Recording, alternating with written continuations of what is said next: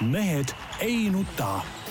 selle eest, et mehed ei nutaks, kannab hoolt Unibet, mängijatelt mängijatele tere kõigile, kes meid vaatavad ja kuulavad, ükstapuha mis ajal ja ükstapuha millisest vidinast. mehed ei nuta on siin pisikeses umbses stuudios. kell on teisipäev ja kaheksa läbi natukene, Tarmo Paju Delfist tervist ja umbset ei ole see midagi, siin hapniku tarbimisvõime lihtsalt on äh, alla igasugust arvestust, tuleb vähem suitsetada elu jooksul ja, ja siis ei ole umbne.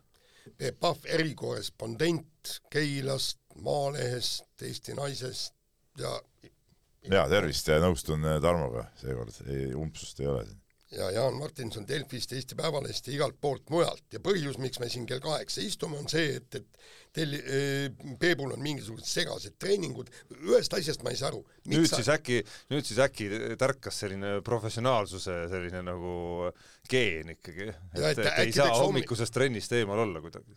no me ei ole ju kunagi äh, mängupäeval äh, saadet teinud minu teada, minu mäletamist mööda. jaa, aga miks sa, ma ei saa aru, et miks sa ei hakanud treeninguga kell kaheksa pihta siis oleks rahulikult jõudnud ju. kumb tähtsam on nüüd siis? täpselt. kas meie või, äh, meie oleme sul kauem olnud, kui, kui see Kossu sats? no sellepärast te oletegi nii tähtsusetuks muutunud nagu vana abielu umbes, ma saan aru siis jah. jah nii äh,, paar sõna muidugi sellest, mis siin Eesti riigis toimub, see on ikka päris, päris karm märk, et kui vaadata kõik seda koalitsioonilepingut ja mida on kõik nüüd lahanud ja vaadanud siit-sealt ja ja siis selgub, et laps enam ei sünni, on ju, eks, et lapsetoetusi vähendati kõik, noh, valitsus on muidugi täiesti savi kõigest sellest, aga, aga mis mind eriti ettevaatlikuks tegi, kes pani tähele, eile oli äh, selles äh, Aktuaalse Kaamera uudistes oli uus kultuuriminister kenasti esil, küsiti, et millised on kõige põletavamad probleemid, ajas seal mingit pläusti ja mitte sõnagi spordist ja mitte ühtegi sõna treenerite palkadest, mis on tegelikult tegelikult on üks kõige, kõige olulisemaid probleeme kogu selle Eesti spordi peale praegu. Ja, ja mida kõik siis äh, mingil suuremal või vähemal määral lubasid oma siis nii-öelda valimiseelsetest lubadustest, aga noh, ütleme niimoodi, et no ma ütlen selle peale niimoodi, et, et punktina viis, kui sa oma paberisse süvened siin natuke hoolsamalt, mis sulle toimetaja ette on andnud, siis sa näed, et sellel teemal on oodatud sõnavõtud täitsa nagu programmiliselt kohe saate osana. jah, ei, aga see nii et hoia oma padrunid sinna. nojah, aga, aga ausalt öeldes ega, ega see kogu see uus koalitsioon ja, ja noh, eriti veel, kui, kui lugeda nagu ekspertide arvamusi, ega seal suurt lootust ei ole. rohkem mulle tegi nalja see, mis selle Äh, heategevusvärgiga siin äh, toimub see Slava Ukraini või kuidas äh, siis partei esimees ja meie kuulus spiiker ütles, et ei, et me siin, meie partei sees seda küsimust nagu ei aruta, et see ei ole nagu, ei ole nagu mingi teema, eks ole, siis siis härra Ussar siis Lehtme küsimust, et ei, see ei ole nagu, ei ole nagu arutamist väärt, kuigi nagu lugedes siin meie kolleegide suurepäraseid kirjatükke, siis siis oleks nagu arutamist väärt küll nagu minu arust. no vähemalt arutamist jah ja. ja. kui veel äh, poliitminutite lainel me oleme, siis kuhu on kadunud spordimees Jüri Ratasest, tahaks võib-olla küsida. ahah, mis tegi? No tegi selle, et äh, nullis ära põhimõtteliselt oma ultimaatumiga selle, et äh, Keskerakond teeks erakorralise kongressi, kus siis saaks Kõlvartiga nagu nii-öelda piigid, piigid ristata ja see vaadata, kumb siis ei, no ma saan aru, et taktikamäng, aga kõige parem osa oli veel see, kui ta siis samal õhtul oli Aktuaalse, Aktuaalses Kaameras ja Margus Saar küsis, et et miks te sellise ultimaatumi äh, panite, panite maha seal enne, siis ta ütles, ei, see ei olnudki ultimaatum ei olnudki, see on lihtsalt, ta ütles, et lihtsalt, siis ma ei kandideeri. ei, ta ütles, et ta ei taha lõhestada erakonda. jah, väga õige. küll lõhestas vist veel rohkem sellega, et ta niimoodi ei, see sellise, sellise nõksuga asja ära lahendas. vastupidi, ma ütlen, et see oli kõva spordimehelik käitumine, et see taktika on spordi põhiosa siin nagu. aa, ja siis üks huvitav asi oli veel. tahaksin tantsusaates ka nii teha. enne finaali kuidagi. mina ei tantsi või? jah kui ma kui ma ei võida, siis ma ei tantsi miks ka mitte.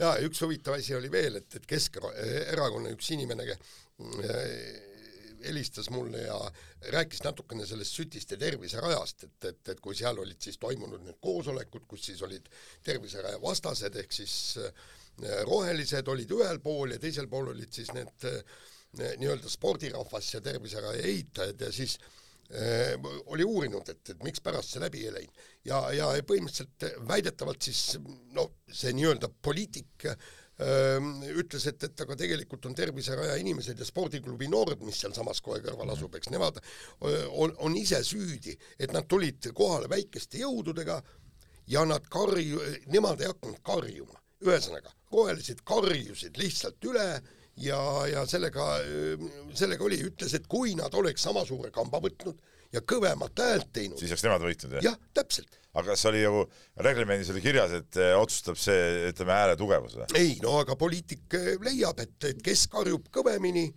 selle poolt tuleb olla. ja, ja nüüd on siis see Sütiste terviserada on siis pannud ka petitsiooni, sa Tarmo paari sõnaga paned meie Facebooki ka, et inimesed, kes kes oleksid Terviseraja poolt, et saaksid sinna oma hääle anda, et no ütleme äh, väga demokraatlik oleks meist öelda siiski, et nii need, kes on poolt, kui ka need, kes on vastu, saavad sinna oma hääle, õigemini need, kes vastu ei saa seal häält kuidagimoodi anda, saavad oma kommentaarides seal sõna võtta. ei, mis sest me ei ole nende poolt, kes on vastu ju. aga, aga jah, et rahvaalgatus.ee-st on siis eh, sihtasutus Eesti Terviserajad ja, ja selle juht Assar Jõepera pannud siis üle, üles omapoolse petitsiooni ja allkirjade kogumise, et, et need terviserajad, Sütiste terviserada ja Nõmme spordikeskuse terviseradade rekonstrueerimine saaksid siiski toimuda.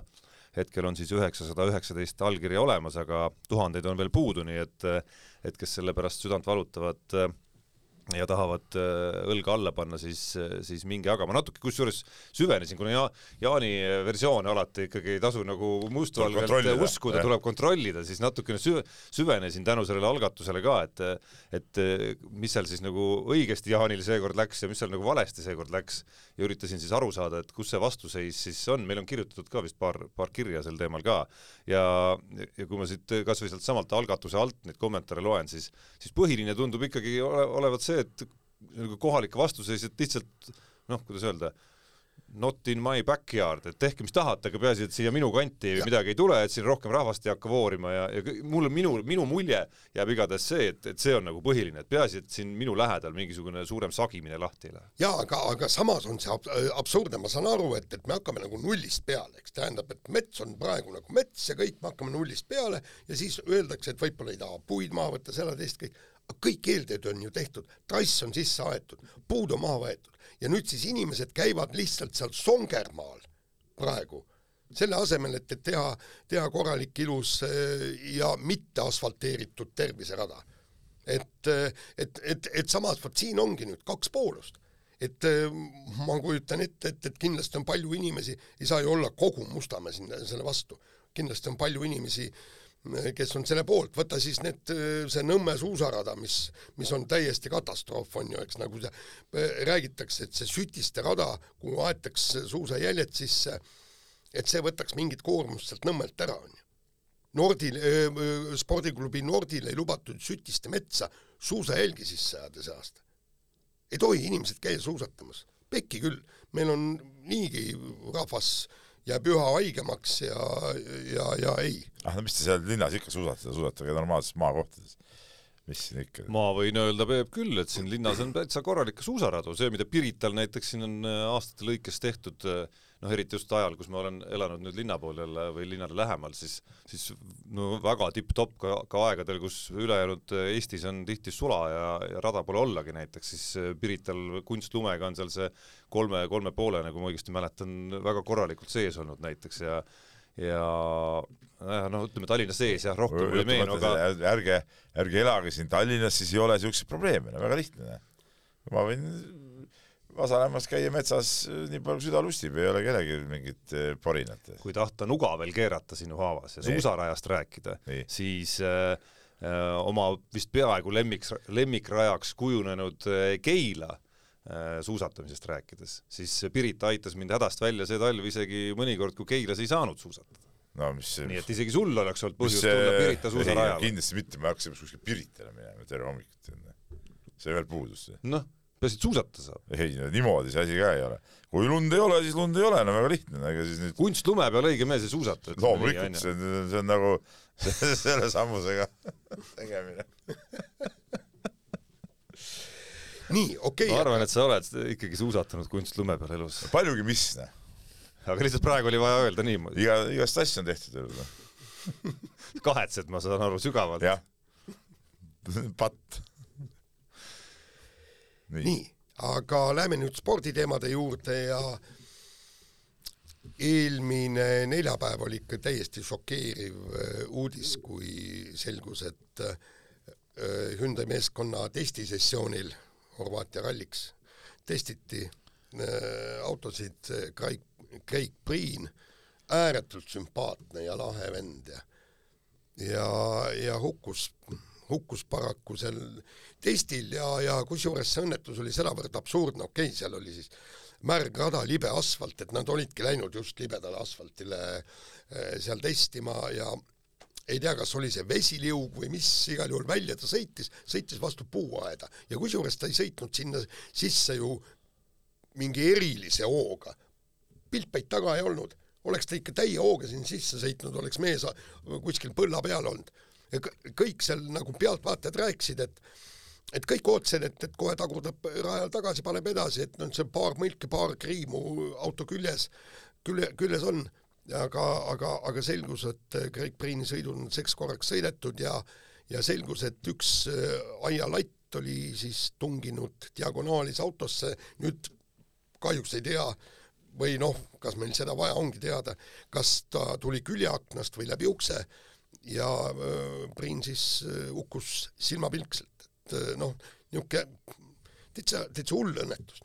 nojaa, aga niisugune, kuidas ma ütlen, asi, mida noh, mille kohta ei saa ütelda, et kuidas seda oleks saanud vältida, noh et, et kui kui niisuguses kohas välja sõidad, niisugune asi juhtub, no see ongi nagu, nagu vältimatu, noh nii nagu, nii nagu sa ise ka tänases loos kirjutasid, eks ole, et on autol mingid kohad, et soomustada seda autot ei ole võimalik ja ja see paraku kahjuks käib selle äh, käib selle ala ja selle, selle riski äh, juurde, et, et et, et nii ongi, seda autosid on püütud nii turvaliselt teha kui võimalik, aga aga lõpuks sajaprotsendiliselt kõike ei ole võimalik ikkagi ette näha. Noh. jah, ja, ja, ja siin ma äh, eile siis äh, vestlesin FIA inimestega ja siis nad rääkisid ka, et, et noh, et ei ole praegu on, praegu on need aknad vähemalt okei okay ust sa saad veel kuidagimoodi tugevdada, eks, et aga aknad jäävad ikkagi nõrgaks kohaks ja seal on nüüd teine küsimus, on see, et kui on uksed deformeerunud, siis peab rallimees välja saama. ja, ja äh, meenutati siis Keenia rallit, kui kas Greensmithil oli raskusi avarii teinud autost välja ronimisega läbi kül-, küljeakna ja esi, esiakent ei olnud nii, nii lihtne nagu eest ära lüüa ja siis oligi, et, et nad peavad hoopis mõtlevad sellele, et, et kuidas võimalikult lihtsalt seda esiakent eemaldada. et, et põhimõtteliselt sa ei saa seda noh, jäigalt kinnitada ja teha siis kuulikindlaks.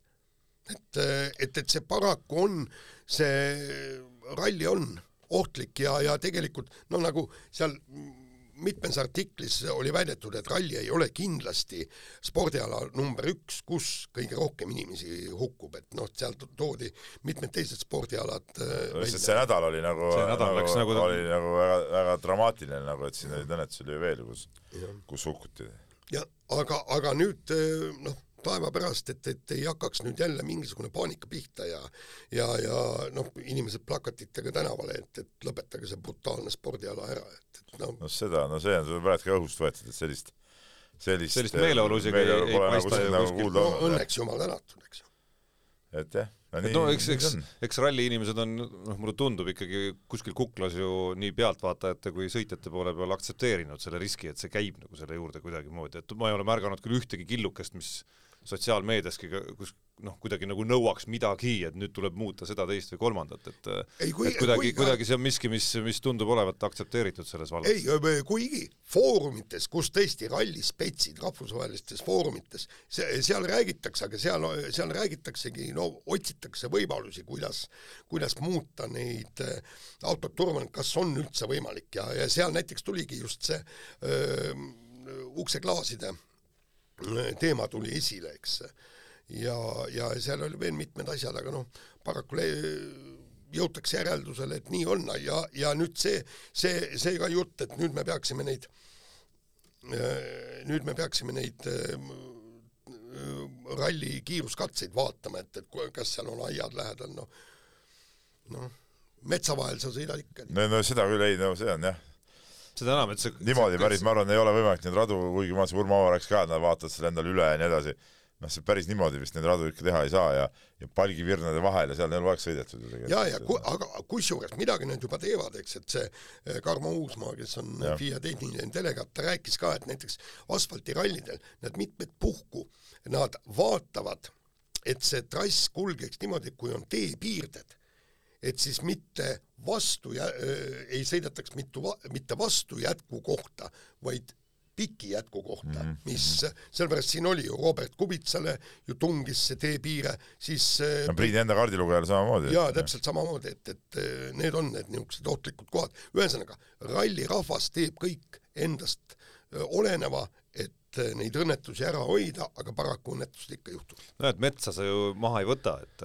sellised aiad võib-olla ja ma ise scroll isin ka kaardi peal põhimõtteliselt või see üks Horvaatia väljaandes oli üks video, kus oli pikalt näha terve see sirge sealt ühest suunast Jaa. teise onju, et noh, nagu ülilauge selline peaaegu sirge tegelikult sisuliselt, tõsi natukene siis nagu kaldega nagu sinnapoole ja kui märg asfalt, siis noh, tõesti tundub, et seal nagu kõige raskem ei ole ilmselt kontrolli suurel kiirusel kaotada, kuigi ta väga kiiresti vist, ma ei tea, kui kiiresti ta sõitis sellel hetkel no väga kiiresti ka suhteline mõiste. no on ka väga suhteline mõiste, eks, et et jah, noh, teoorias jah, sellised aiad justkui annaks ralli korraldajatel ära võtta küll, aga aga jah, kus sa selle piiri siis tõmbad, mitme meetri ulatuses sa selle sealt välja võtad No kuule- ja, ja maha võtad ajutiselt ja nii edasi ja nii edasi, et mäletad, kui, kui see oli Eestis kuskil aastaid tagasi rallil hukkus, no see, seal ühesõnaga see auto tappis sealt pealtvaataja vist mingi sa- saja meetri kauguselt väljasõidukohast. vist sada päris ei olnud, aga nojah, aga et, no sa seisid väga vales kohas tookord. jaa, ei seda küll, aga, aga lihtsalt see auto ikka lendab kaugele. no muidugi lendab. no seda me nägime siin ka tavaliikluse selles videos, mis eile siin usinasti levis, kuidas, kuidas on võimalik lennata autoga. päris karm. ja par- päris karm ja samas tundub, tundus, et päris õnnelik õnnetus veel tava, tavaautoga. auto jäi päris terveks nagu ta, no ütleme nii, noh, nii-öelda terveks, et noh, ta ju ei lömastunud, et noh. nii, aga, aga rallist rääkides, no ma kujutan ette, et selle nädala Horvaatia rallile paneb see ikka väga korraliku pitseri, eriti esimestel päevadel. no kindlasti paneb see pitser ja sellest palju räägitakse ja, ja, ja, ja kuigi noh, ütleme noh, ega seal kellelgi midagi nagu ütelda enam ju tegelikult ei ole, et, et see jah, et eks hakatakse küsima ja, ja tulevad mingid trafaretsed vastused ja ja see annab sellele rallile siukse, siukse tooni kindlasti, et et aga noh, ega elu peab edasi minema, ega midagi teha pole. Teie, kes te olete rallidel käinud, isiklikud tunded ja, ja muljed ja mälestused Greg Greenist? no liiga palju temaga öö, suhelnud pole, aga alati, kui ta on kuskil pressikonverentsil või kui ta ta oli just täpselt niisugune vend, eks, et et näiteks ka no rääkisid teiste rallisõitjatega ära, kellega sa tahtsid rääkida ja siis, siis tuli Priin sinna hooldusalasse, sa läksid lihtsalt teda kuulama.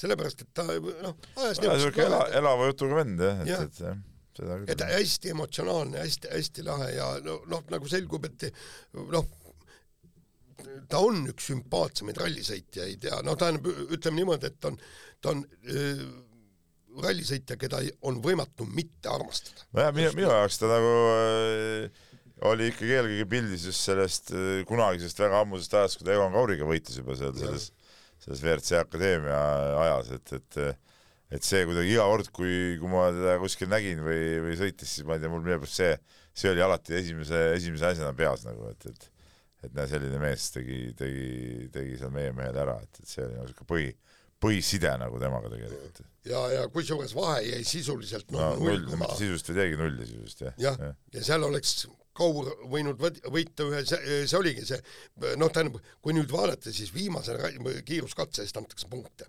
Ja oligi, oligi ühel kiiruskatsel said mõlemad kirja võrdse aja ja said mõlemad ühe punkti.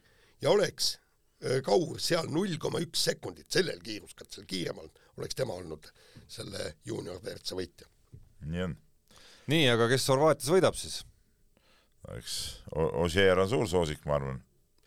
jah, aga mi-, mingil kummalisel põhjusel, ma olen siit-sealt lugenud, pakutakse Tänakut isegi küllaltki palju. ma, ma, ma tegelikult ei oska, ei, ei oska aimata no tegelikult ei ole nad ju selle tavaasjad, okei okay,, Monte oli ka nagu ikkagi noh, see aasta suhteliselt normaalsetes tingimustes, aga aga ma ei tea, palju nüüd selle asfaldiga ikkagi kohaneda on saanud, noh. no nad ilmselt ennustavad selle Rootsi ralli pealt, eks noh. aga, aga ma ei tea, noh.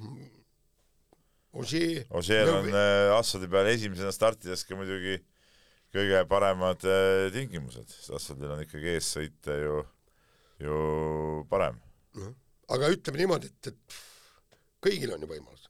kes, ei no on ju, eelmine aasta, kes Kõik, kõigil on ju võimalus. eelmine aasta võttis ju Kalle, Kalle Rovanpera, eks. Kas sa, kas sa võid öelda, et Neuvill ei võida seda ralli Ei. või Elfin Evans, kes no on lihtsalt lause ka kõigil on võimalus kõlab selline. muidugi see on, see on muidugi huvitav, kuidas need Hyundai mehed, ütleme, siin on kaks varianti, eks ole, et kas nad teevad mingi ülikõva ralli või, või nad on tegelikult täiesti tagaplaanil, et siin on nagu, ma arvan, äärmusest äärmusesse siin mingit vahepealset äh, võimalust ma nagu ei näe, et et, et Priini auks võita ja, ja ma räägin, et noh, et see võibki olla, et seal nagu mingi siukse erilise boost'i nagu saavad ja, ja suudavad nagu eriti kõvasti sõita Neuvill kindlasti on, on ka mees, kes on võimeline seal, seal võitma, noh et, et et eks seal jah, Horvaatias on, on nii mitmedki mehed kiiresti sõitnud noh, nende aastate jooksul. no aga ütlen, ikkagi, ikkagi Ožeed ma pean kõige suuremaks soosikuks. noh. jah. nii, aga vahetame teemat, kodune korvpall ja play-off on täies hoos, kired lõõmavad. õlad on, õlad on ka käiku lastud. Mis õlad? kust otsast? ma ei tea, Janar Talts, Janar Talts ütles Peep sinu kohta midagi seal. paned õlga siin. mis, no, mis, mis õlga sa paned? ei no see on täie udujutt noh noh, mees tuli mul teed ei andnud, noorem mees, ega mina ei pea talle teed andma siis noh, väike, toimus väike kokkupõrge lihtsalt tead noh. ja noh, loomulikult eh, mees, kerge mees nagu see on, kukkus eemale minust natukene. no kui me ei, sujuvalt seal midagi erilist ei olnud. aga poiss midagi haukus seal ka, nii et noh, täna vaatame.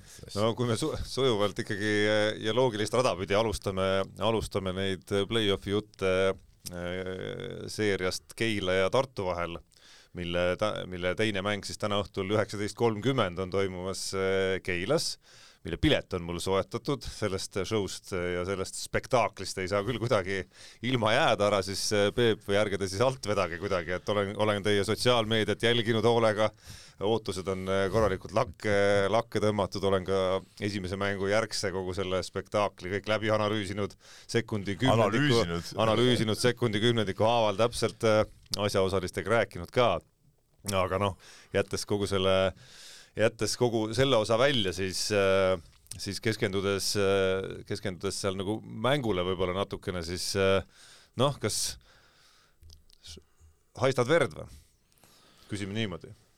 no raske ütelda, eks meil, ma arvan, meil oli tead Tartus ka päris hea šanss, noh. oli päris hea šanss, aga need seal viimasel veerandajal jäime natuke ümmarguseks ja ja, ja, ja sinna see läks, et, et ilmselt meil natuke probleeme oli sellega, et, et äh, mingid mehed võib-olla said äh, liiga suuri minuteid ja ja, ja lõpuks Vitos ei saanudki viis, viimast viit minutit mängida, sellepärast et et lõi, lõi Reie, Reie taha küll kramp sisse ja, ja noh, ma arvan, meil on variant, no kui meil oli Tartus variant, miks meil, miks meil ei peaks kodus olema siis noh, et, et et äh, variant on, aga selge see, et Tartu on ikkagi soosik no nii on ju noh. ei no see on, see on nagu noh, no kuigi üks-üks on seis, eks ole, eile sai üks-üks seatud seis Pärnu ja Rapla paaris jalule ja, ja see esimene mäng eriti, mis lisaajale läks, oli, oli ju korralik ikkagi nagu vaatemäng, et kaheksateistkümne punktilisest kaotusseisust tuli Rapla koduväljakul järele ja, ja Pärnu eile, ma arvan, üllatas võib-olla natukene siin korvpallikogukonda isegi, et siin kiputi juba, kiputi siin hooaja kehva lõpu tõttu pärnakaid nagu maha kandma, aga tegid väga sümpaatse mängu, siis, siis kuidagi nagu emotsionaalses mõttes nagu tundub, tundub kuidagi nagu kõige ägedam intriig selles Keila ja Tartu paaris, kus äh, jah, ühest küljest on mõlemal meeskonnal olulised mängijad väljas, teisest küljest seab see just nagu Tartu poole peal minu arust äh, selle nii-öelda eestlaste oma kaadri sellise vastutuse otsa, mida nad noh, ei ole nagu väga kandnud läbi karjääri seal, et alustades tagaliinis seal Oliver Suurorud ja, ja, ja Robin Kivid ja näha on, et siis nii nagu eelmise aasta äh,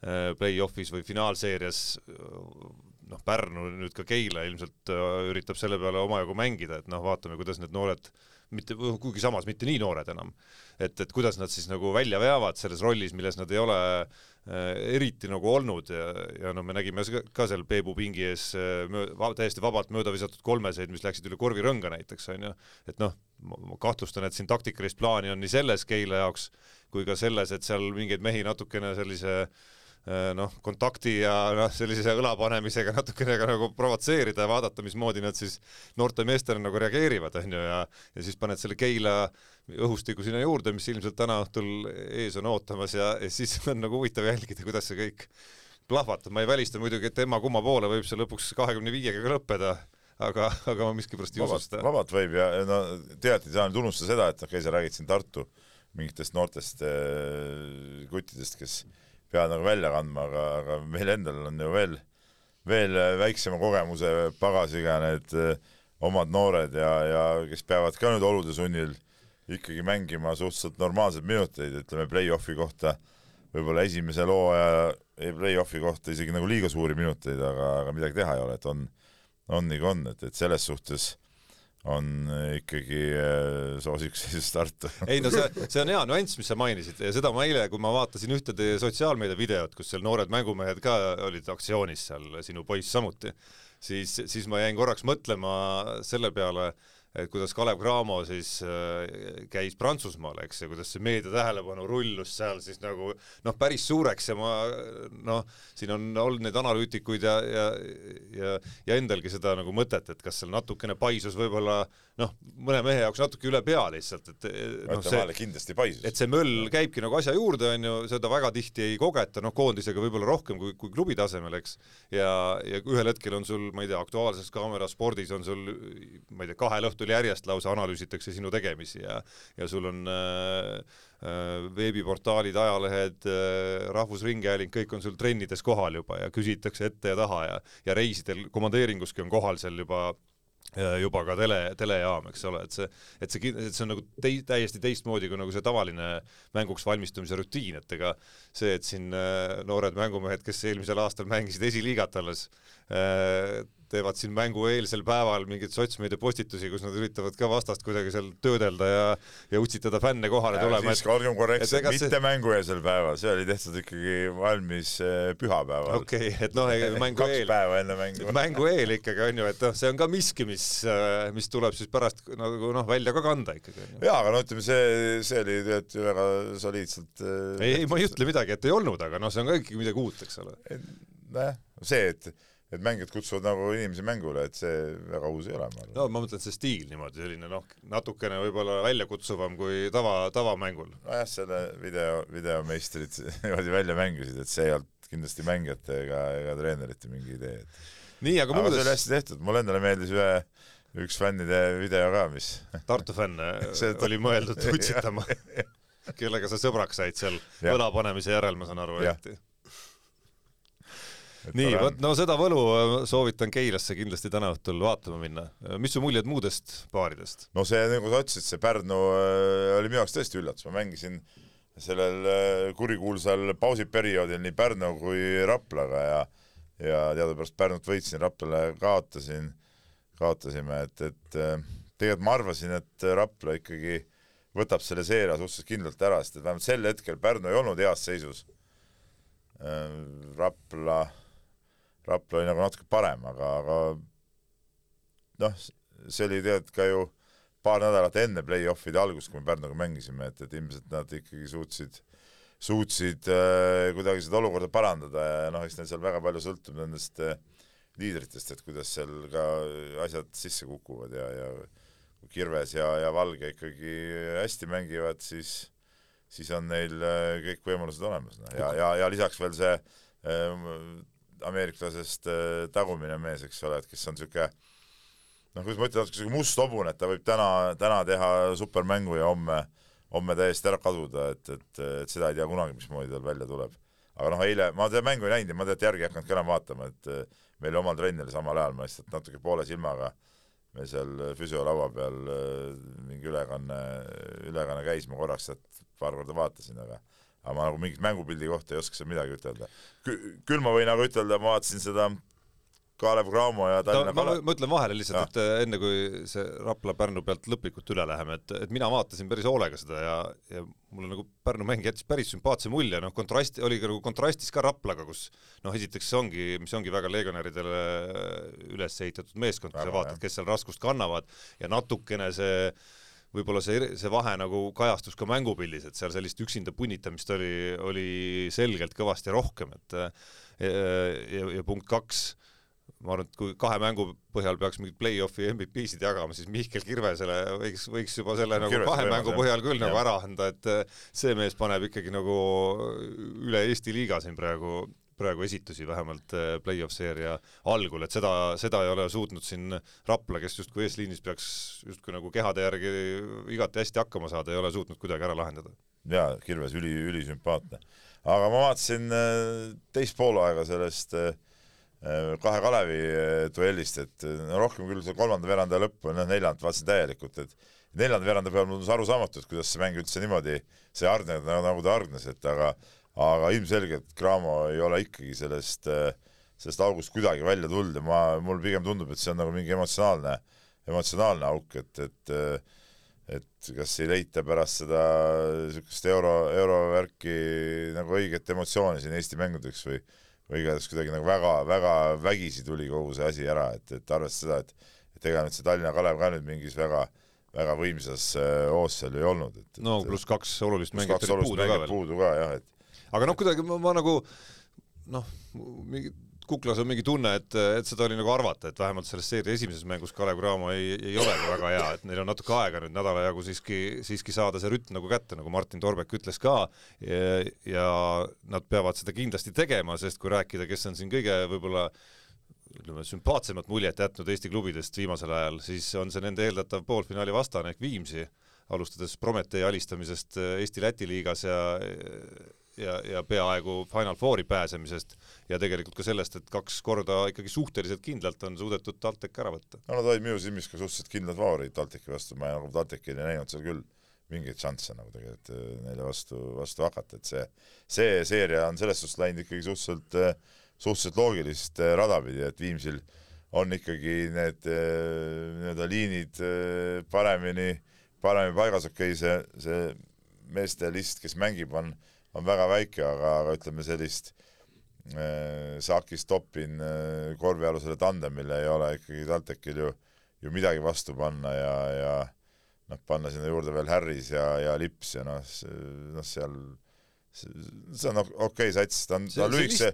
lühikese listiga, aga see list on väike, see on ka suhteline asi, alles ma vaatasin, alles ma vaatasin üks päev äh, NBA play-off'i, ma ei mäleta, millise mängu protokolli ja seal neljakümne kaheksa minutiline mäng ja ma ei mäleta, mis sats see oli, kaheksa mehega, et mängis terve mängu. Äh, jaa, aga jah, aga no ma ei, ma kardan, et kõik näiteks, kui nad sealt saavadki edasi, siis Kalevi vastu juba läheb, läheb raskemaks selle niisuguse nii, nii lühikese selle, selle listiga mängimine, et, et, et selles suhtes ma nagu Viimsit jah, võib-olla päris Kalevile ohtlikuks ei, ei paneks, kuigi kuigi ütleme, ütleme see mängupildi poolest, mida nad on näidanud, võiks küll olla, aga ma just kardangi seda, et et kas neil jätkub nagu jõudu äh, Kalevi vastu ka, ütleme, kui nad siin, okei okay,, kui nad siin suudavad säästlikult kolm-null selle seeria ära võtta, aga kui siin äh, peaks TalTech mingi ühe võidu kätte saama, seeria läheb pikemaks, noh, siis, siis võib neil juba Kalev Cramo vastu ikkagi, ikkagi selle võrra ka raskemaks minna.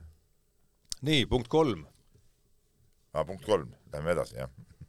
euroliiga, äh, suurepärane äh, reede õhtu oli siis, eh, sõitsin mängult tagasi ja, ja vaatasin veel bussis eh, viimast veerandajaga siis Žalgirise, eh, Žalgirise ja Bayerni mängust, kus, kus need suutsid ka korraks vererõhu üles ajada, kuigi ma olin natuke võib-olla tuime, tuimestunud juba ütleme enda emotsioonidest selleks hetkeks, aga, aga aga korraks ikka käin ka vaatama, et, et ohoh, mis nüüd juhtub, et Žalgirisel oli kõik juba käes ja siis hakkasid kandiku peal nagu tagasi kõik andma, mõtlesin, et kuidas sellisel tasemel mehed selliseid asju teevad, aga näe, kõik on võimalik.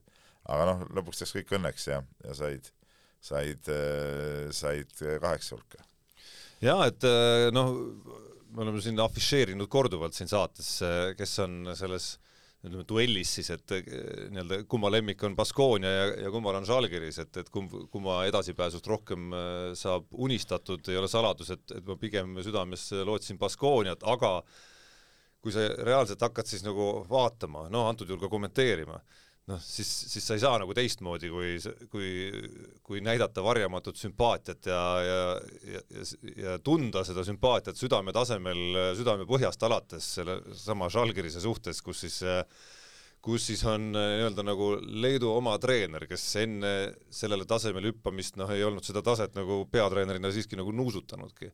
kes, ja ma olen kuulanud ühte nüüd mõnda aega ühte korvpalli podcast'i, kus, mida leedulased veavad ja ja kus isegi leedulased eelmisel hooajal, üks, üks selle saate osalistest hakkas rääkima sellist juttu, et et esimene asi, mida Žalgiris peab tegema, on see, et äh, vähem leedulasi sinna tooma ja rohkem välismaalasi, et pole vahet, mis mehed seal mängivad. nii, nüüd see treener on Kasis Maksvitis, on läinud ikkagi selgelt nagu vastupidist teed. see on nii rumal jutt, mis see, see, see väide, et pole vahet. ja selle, ja selle teega on siis äh, nii-öelda saalid täis äh, ja lõpuks tulemus ka veel olukorras, kus sa veel kaotad oma suurima staari keset hooaega ehk siis nagu vastu kõiki, kõiki ootusi üldse, pluss siis veel selline nagu noh, teatav selline nagu mängustiililine sümpaatia, mis ka tekib, noh, kui sa võrdled kas või ma ei tea, Baskooniaga või, või paned need Makaabid, äh, Monacod ja siin on nüüd nagu koolkonna vahe ka natukene, et noh, üks on selline nagu kaitsel põhinev selline veri ninast välja, maassa maan taval, kõik see, kõik, kõik need väljendid sinna juurde, kus võitlus ja võitlus on selline nagu ainus nii-öelda relv, millega ületavad kõiki teisi meeskondi, on ju, versus siis selline vägev, lustlik, eh, hoogne rünnaku korvpall, mis samal ajal, ma kahtlustan, võib ka üks põhjusi olla, miks Žalgiris eh, liiga alumiste vastu nii-öelda sai oma võidud kätte võõral väljakul peaaegu kõik, võrreldes Baskooniaga, kes nagu võõrsil üks, üks väga õnnelik nädal välja arvatud, noh, ei, ei leidnudki seda võtit, et ma arvan, et see võitlus ja see kaitse ongi tegelikult see, mis, mis kannab sind sellistes mängudes.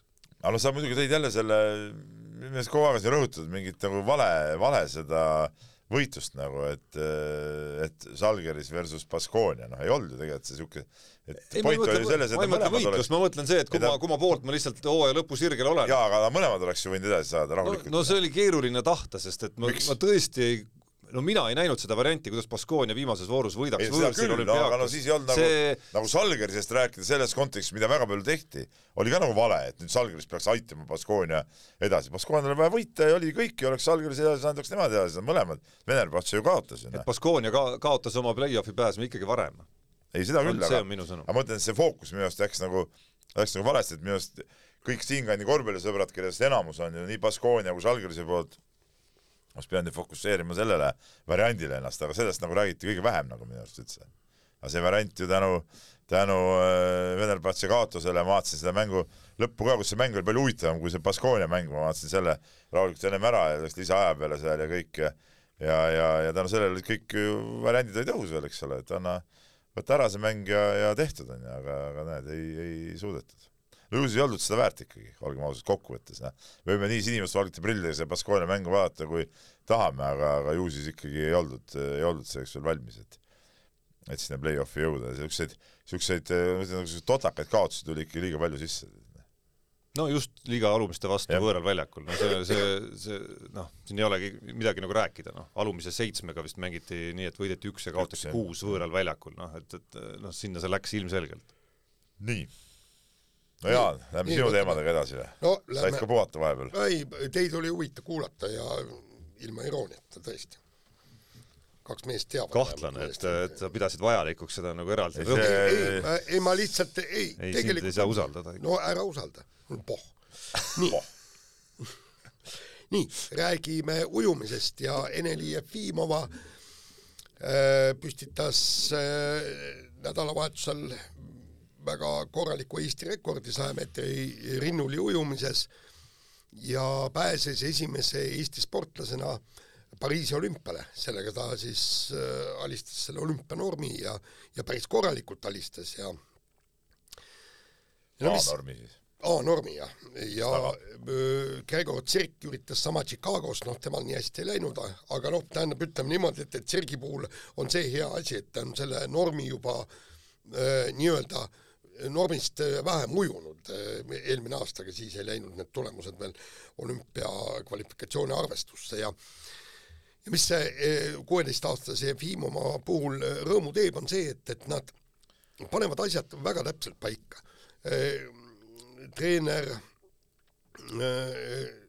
Hein ütles juba noh, mitu kuud tagasi, et nad võtavad kogu selle talvise perioodi selleks, et kevadel, nüüd siin aprillis nendel kahel võistlusel, Helsingi nädal tagasi ja nüüd, nüüd siis Stockholm, ujuda olümpianord täis, sellepärast et siis on kõik kaelast maas ja nüüd me saame rahulikult valmistuda MM-iks, kus ta tahab finaali jõuda, et tõusta B-toetusele, tal on B-toetus praegu, aga see on no antud nagu Primmiga. Primmiga, jah ja, ja siis teiega siis äh, alustada ettevalmistust Pariisi olümpiaks.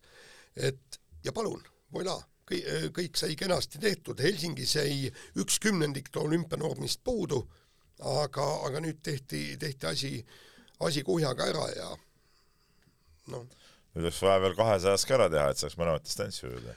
kahesajas aitab B-norm, aga sinna on veel minna, aga no sinna on tal aega, sinna on ta aega, aga mis mis minu jaoks jällegi natukene noh, kummaline oli, oli see, et, et ähm, treener, treener siis andis teada, et et esimest korda mitte tiitlivõistlusel oli Jefimovil kaasas füsioterapeut, massöör äh, Stockholmis mm. -hmm. ja see oli üks põhjus, miks ta selle äh, no mis see imestama pani, see ongi loogiline, et kui sul on tipptasemel teenindav personal kaasas, kõik asjad tehakse nii, nagu tipptasem peab tegema, siis see aitabki tulemustele kaasa. mind pani imestama, et see oli esimest korda tal kaasas et, et ütleme, sel tasemel sportlasel, see peaks olema ju täitsa loogiline, et, et kaasas ka igal pool, kaasas ka treeninglaagrites.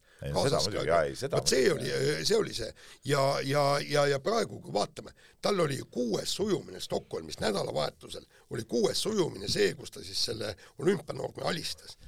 ja, ja keha ei pea ju seda tegelikult vastu, iga päev kaks ujumist, eks kõigepealt viiskümmend meetrit, siis kakssada meetrit ja lõpuks viimasel päeval sada meetrit. ja kui tal seda füsiot ja massöör ei oleks seal äh, kohal olnud, eks.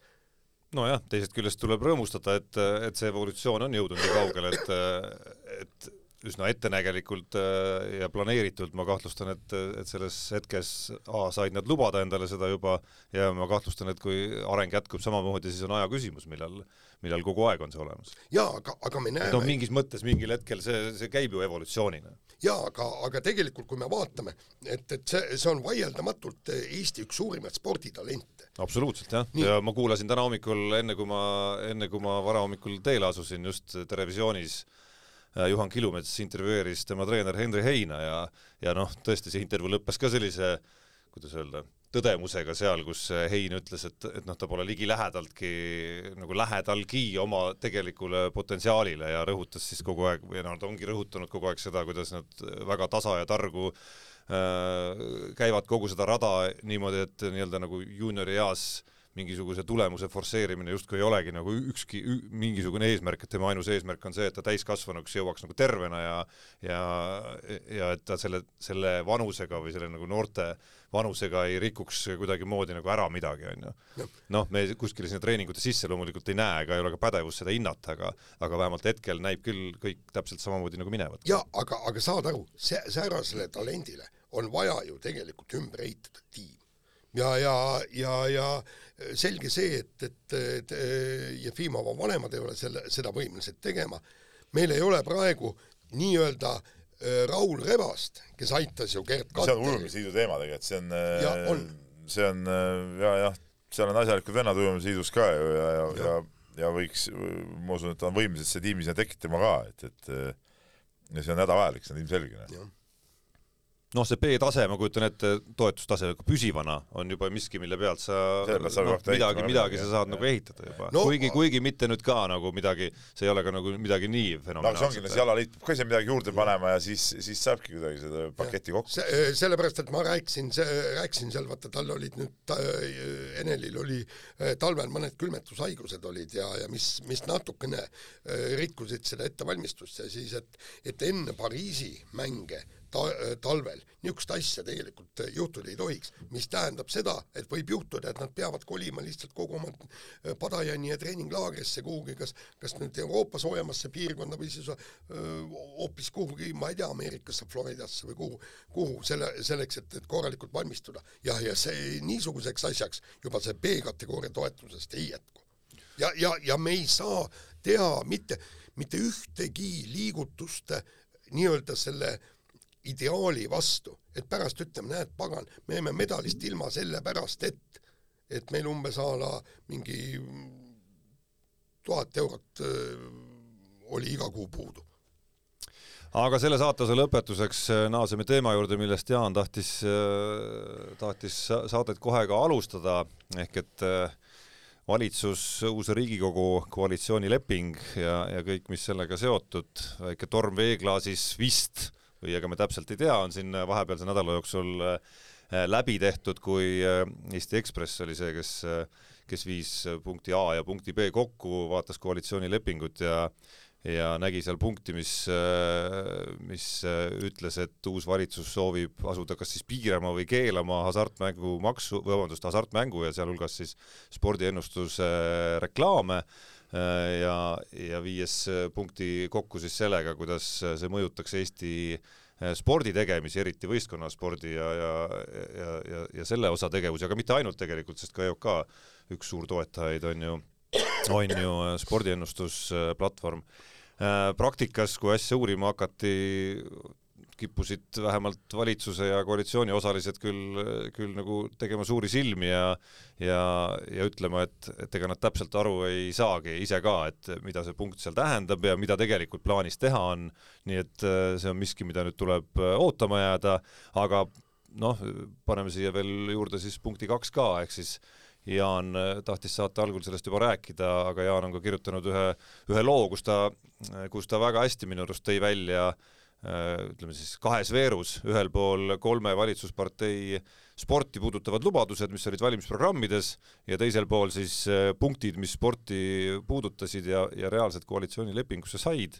ja kui jätta välja see punkt, et, et uue valitsuse soov on, et lapsed liiguksid päevas vähemalt kuuskümmend minutit, mis on mis on ka selline soov, et ega täpselt aru ei saanud, mida siis äh, kavatsetakse teha selleks, erinevalt äh, mingist muust ja paljudest muudest punktidest, kus protsendi täpsusega oli välja öeldud, palju me mingit maksu muudame või palju me maksuküüru äh, alandame ja nii edasi ja nii edasi, siis, siis seal mingit tegevust ikkagi nagu ei olnud, et mis me nüüd siis ütleme selle peale asendusliige Tanel Tein tuleb ja päästab ära selle asja, lööb korra majja.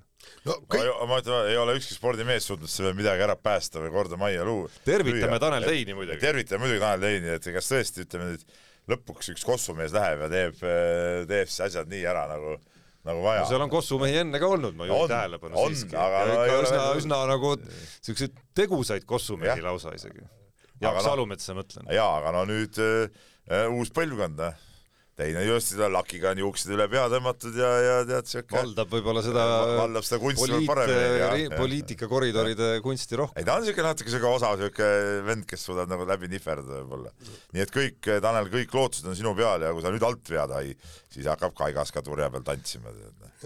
no ma kõigepealt räägiks sellest hasartmängu äh, firmade reklaamide kaotamisest, et et, et nagu ma sain, eks aru, poliitikud ise ütlesid, et seda kindlasti ei tule, kuid, kuid no me peame arutama, me peame piirama ja tähendab, jutt käis, et, et nagu reklaame eh, piiratakse, aga bränd jääb.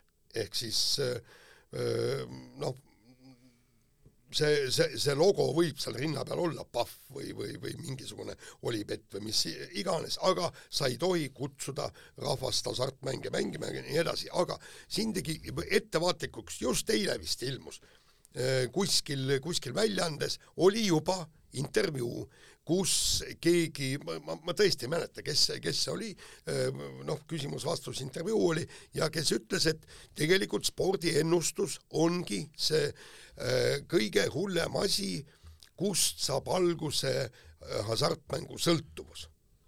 kes see niisugune tarkpea oli? no ei, ta oli, ta oli mingi noh, nii-öelda asjakohane inimene, nii-öelda spetsialist ja kõik, eks kes, kes teadis ja sellest oli kohe, kohe nagu üks, üks korralik artikkel, ehk siis hakatakse sealt, see on täpselt nagu see süt-, sütiste metsaala, hakkavad kohe juba urgitsema, tor urgitsema ja torkima. Ja ühel hetkel pannaksegi poliitikud selle äh, selle värgi, et, et, et nüüd on kõik. ei no disclaimer'ina on meil endal aus muidugi ära öelda, et, et ka meie saate peatoetaja Unibet kuulub samasse valdkonda, eks.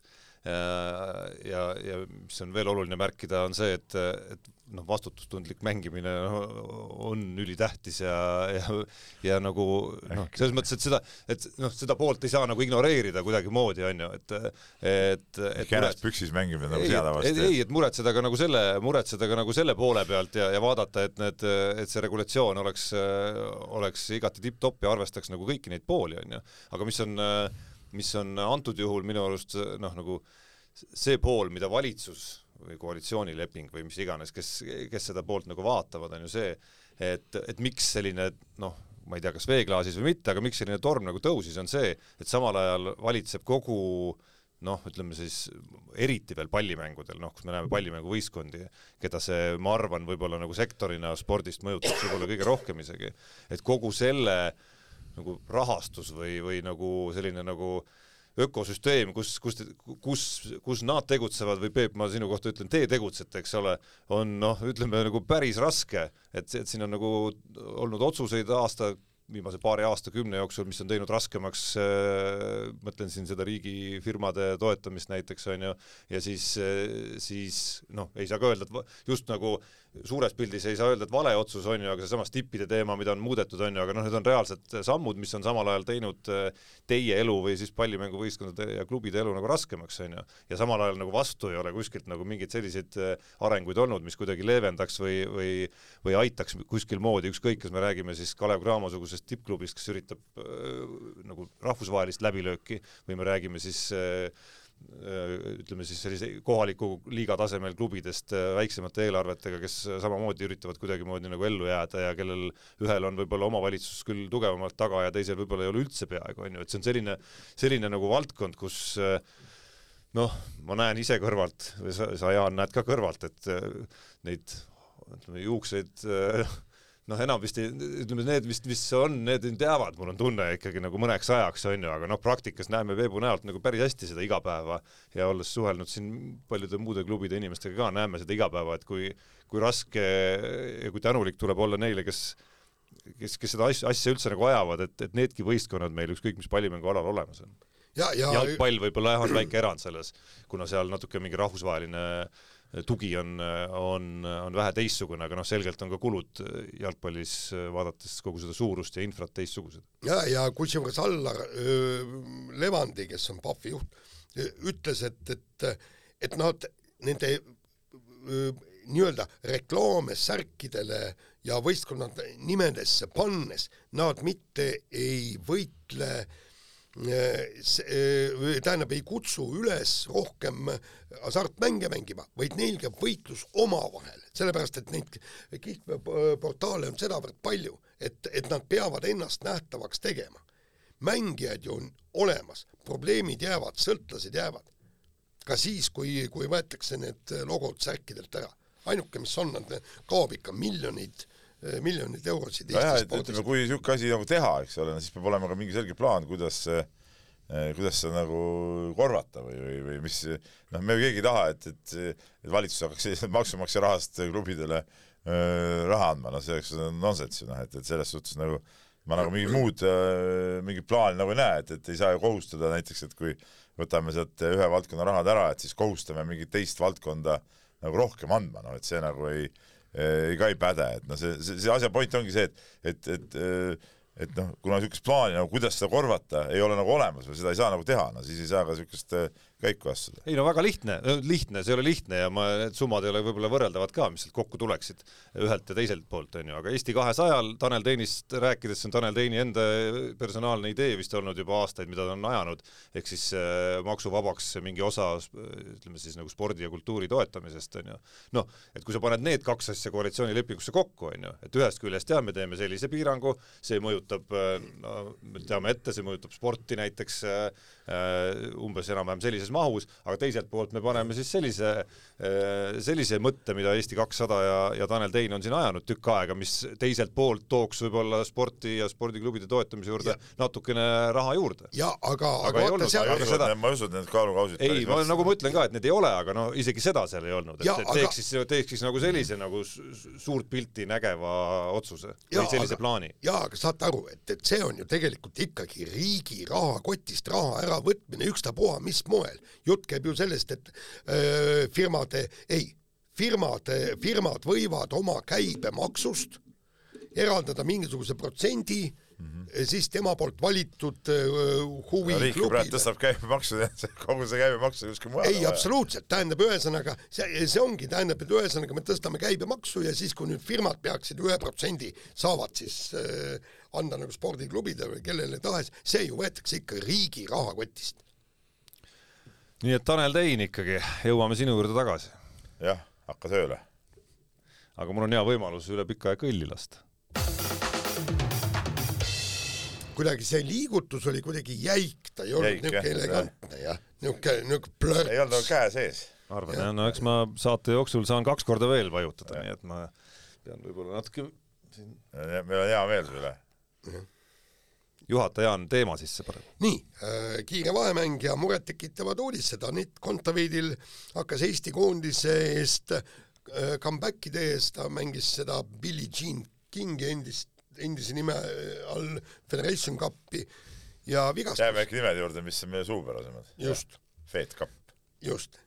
ja, ja põhimõtteliselt vana vigastus lõi jälle välja ja nüüd ei teagi, mis, mis sellest edasi saab, et et, et noh, kas oli nüüd siis see natukene liiga palju sai koormust, tal oli ikka iga päev mänge, siis mängis veel paaris mängu ka seal, ühel päeval kaks mängu vist ja nojah, aga ta oli, ma saan aru, et enne turniiri ta tundis ennast nagu selles suhtes hästi, et, et kõik oli nagu korras, et siin on nagu seda, kas just sai liiga palju koormust, see on nagu raske hinnata, aga aga, aga kui nüüd see, kui tõesti nüüd niisugused probleemid kogu aeg nagu välja löövad, siis, siis see on ütleme, niisugust tulevikku vaadates küll väga, väga kõva häirekell, et, et et mida nagu teha, et see paus oli nagunii päris pikk juba, eks ole, kus ta selle ravi peale ja taastumise peale läks, eks ole, ja kui nüüd uuesti asjad löövad välja, noh kui, kui palju seda äh, motivatsiooni ja, ja, ja võimalust üldse tekib, et noh, võib-olla ongi niisugune häda, millest, mis, mis nagu hakkab kogu aeg välja lööma, eks ole, et, et noh, et kuidas, kuidas siis käituda. ja, teine asi ra, ilmselt ravi ei olnud siis piisav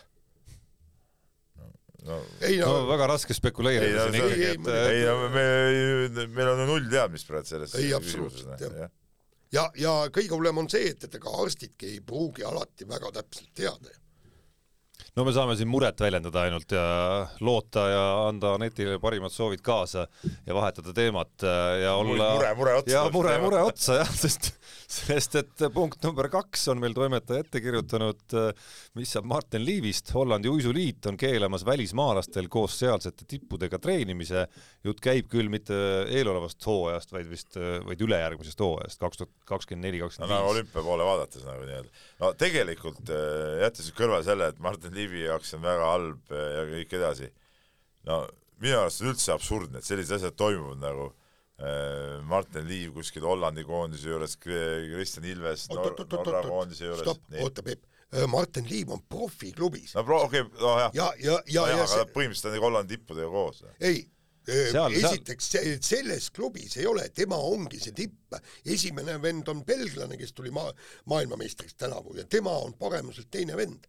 ja miks nad sinna profiklubisse võeti, on see, et ne, nende tuules arenevad oma Hollandi poisid ja kusjuures seal oli mingisugune, no jällegi see, see läheb ääretult alaspetsiifiliseks, aga Martin Liiv just näiteks kurtis, et treeningutel äh, et tal ei ole paarimist, tal peab olema keegi, ma ei tea, kas on see tuules sõitmine, mis, kuidas, kõik nii. ja, ja, ja nemad ongi sinna nii-öelda võetud sellepärast, et nad aitaksid Hollandi uisutajaid, küll aga ise lähevad nad ka muidugi no, Hollandis on uisutajad küll ju noh, aga ma usun, neil ei ole tegelikult vaja mingeid eestlasi ja ja belglasi, tegelikult ju saad ise ka aru, et ei ole seda vaja ju. aga noh, huvi, ja aga, ei, aga point on nagu minu arust see, et et, et nagu koondislased peaks ikkagi nagu ma saan aru, et Eestis ei ole neid tingimusi ja pole teisi samaväärseid neid sportlasi, aga, aga oma olemuselt see on nagu, see on nagu mulle tundunud kogu aeg nagu imelik nagu see, et eh, mida vanasti nagu poleks saanud nagu olla, et, et kuskil mingid välismaalased kuskil käivad ja, ja treenivad niimoodi. no samas see klubindus nagu on mingisugune teine no see klubindus aga mis, mingi erinevus võrreldes, võrreldes, võrreldes Kristjan Ilvese ja Norra juhtumiga näiteks. aga no no mida sa tead kiirustamise klubidest näiteks, noh? ei no mina ei tea, aga, aga noh, eks see ongi meie jaoks ma ei tea, palju Hollandis neid klubidevahelisi võistlusi on?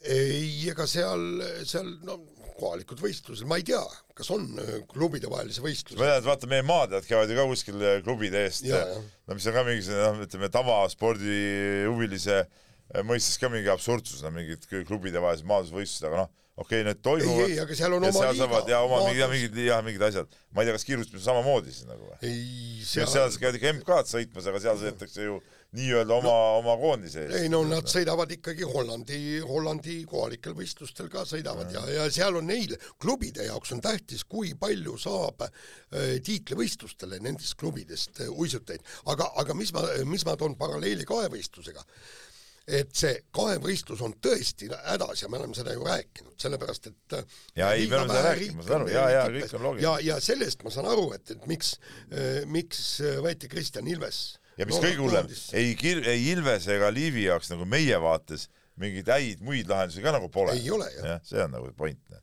aga noh, kokkuvõttes see on jah, on, on nagu on. nii, aga mured, mured nagu jätkuvad ja lähme edasi siis Eesti naiste korvpalli juurde ja ja no oli, oli seal ka võimas finaalmäng laupäeval, natuke poole silmaga jah, poole silmaga teist veerandajaga, ma tunnistan, vaatasin. see oli päris hirmus, minu arust nägin lõpuks siis äh, äh, TalTech Nordeid võitis äh, Audentese spordigümnaasiumi finaalmängus siis viiekümne kaheksa punktiga. ja noh, ma arvan, see vahe oleks võinud isegi suurem olla, kui nad oleks võib-olla tahtnud seda suuremaks ajada ja ja noh, ütleme see naiste korvpalli hetkeseis meil on, on nagu ta on, et nii-öelda meistriliigas kaks naiskonda, kes siis mängisid seda Balti liigat samaaegselt ja ülejäänud kellest üks jättis selle siiski ka pooleli jättis pooleli, no seal oli jah mingi mängudega tekkis mingi kokkuleppimistega tekkis jama ja, ja lõpuks kalender jooksis kokku. aga, aga lõpuks siis ja, ja ülejäänud naiskonnad mängivad siis esiliigat täiesti amatöörtasemel.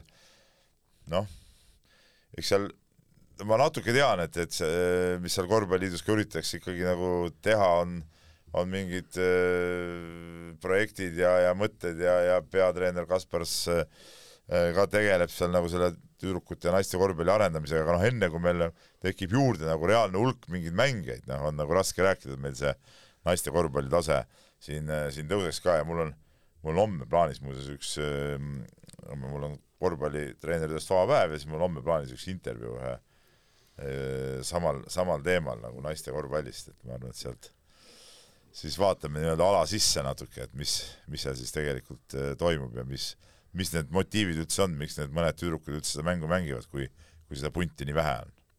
no hädasti kuluks, ma kahtlustan ikkagi nagu teine klubi, teine TalTechi sugune Ja klubi veel kindlasti, nagu ära siia ikkagi, et, et selge, et nad omavahel veel ei moodusta mingit äh, vägevat liigat, aga, aga vähemalt seal Baltikumi klubidega koos kahekesi ei no seda, kui nad eh, Läti ja Leedu klubidega koos mängivad, see on okei liiga. ja pluss omavahel siis üks korralik finaalseeria näiteks maha pidada ja, ja oleks siin nagu ko- koduses plaanis juba nagu hoopis teine asi. selge see, et Audentes nagu praegu välja ei kanna, noh, noored tüdrukud ka, minu arust äh, häbiväärne on see, et äh, Peda naiskond äh, kõrgtasemel lõpetas ja häbiväärne on see, et äh, Tartu naiskond ka kõrgtasemel lõpetas.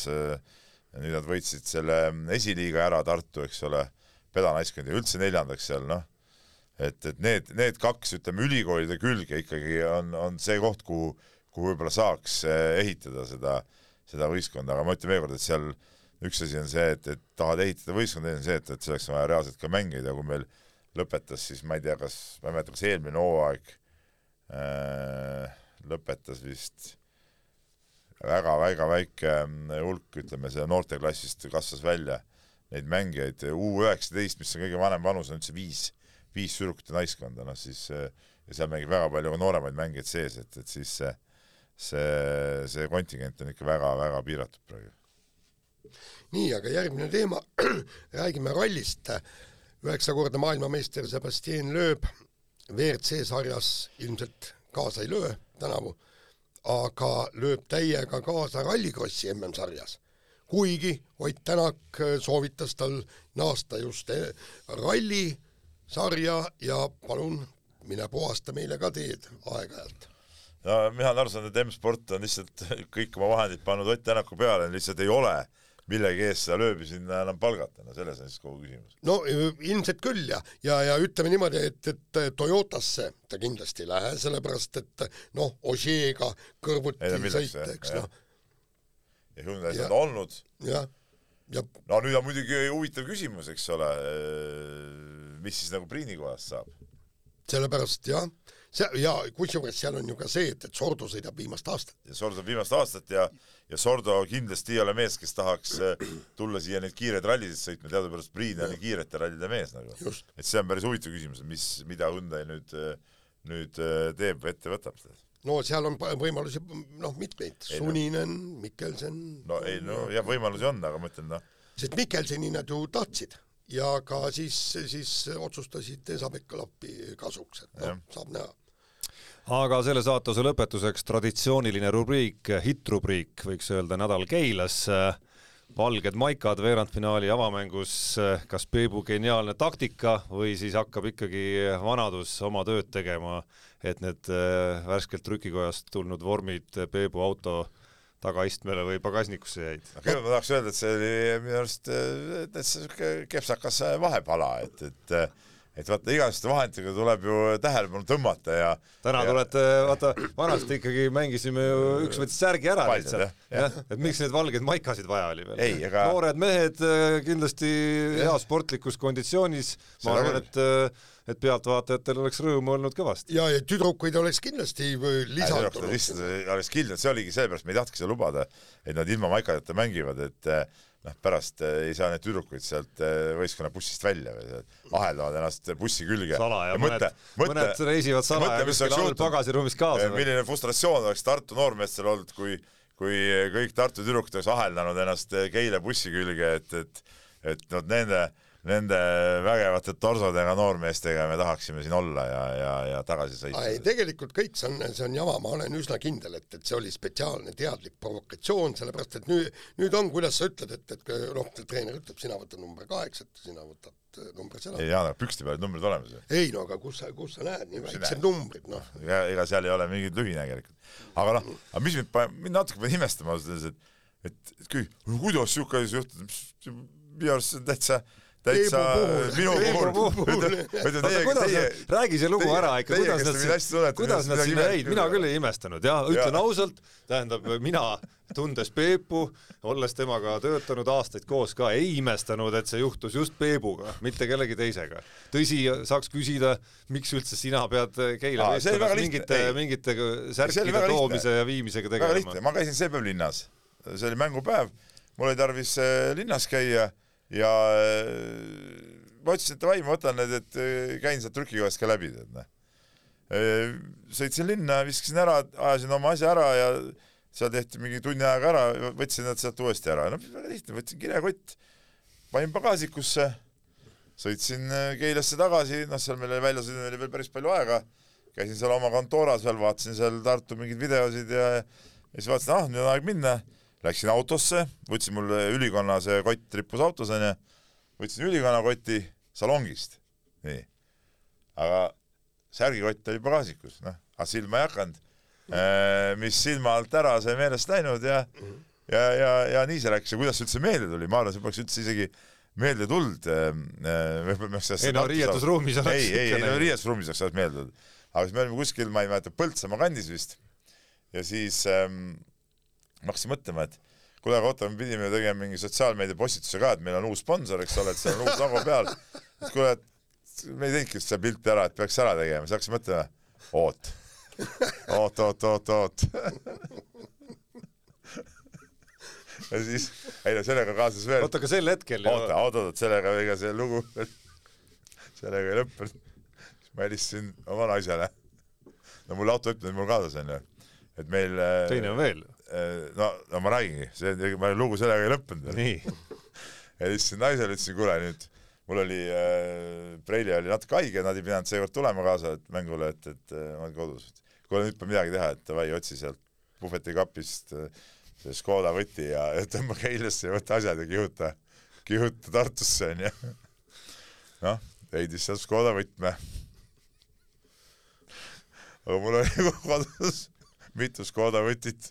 Vaata kunagi mul oli Postimehes oli ka Škoda ja selle, selle teine võti jäi segast asjad jäigi, noh, andsin auto tagasi ja see oli seal kapis onju. ja tegelikult mul kuskil kuklas tiksus see mõte, et kurat, minu arust mul see varuvõti on üldse autos. Et, et mul oli ükskord mingi, ma ei tea, ma kuskil unustasin oma võtmed maha ja siis ma käisin selle varu, varuvõtmega. Ja no nii muidugi oligi, naine jõudis, sõitis Keilasse lõksutas selle, seda pulti, mitte midagi ei juhtunud, uksed lahti ei läinud, noh.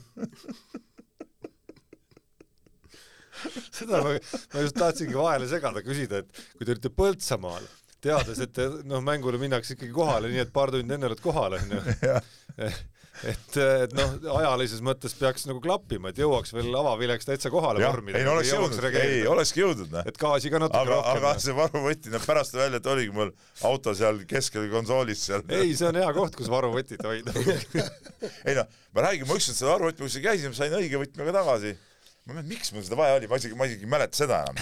siis ma loomulikult selle viskasin sinna ja, ja noh, nii oligi, tead noh.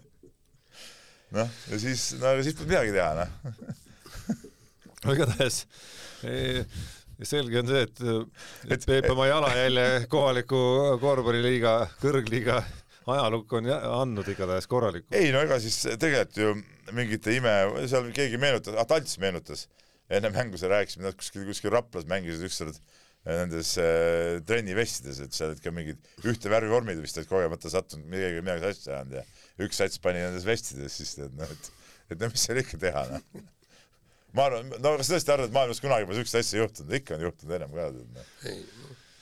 jah kindlasti on. aga arust see, et see võttis selle auto seal lisas, lisas kogu loole veel nagu. kindlasti on juhtunud, Peep, ma lohutuseks ütlen sulle. ja mina ei olegi sellest ise ausalt öeldes väga nagu frustreerunud, et punki peab ka saama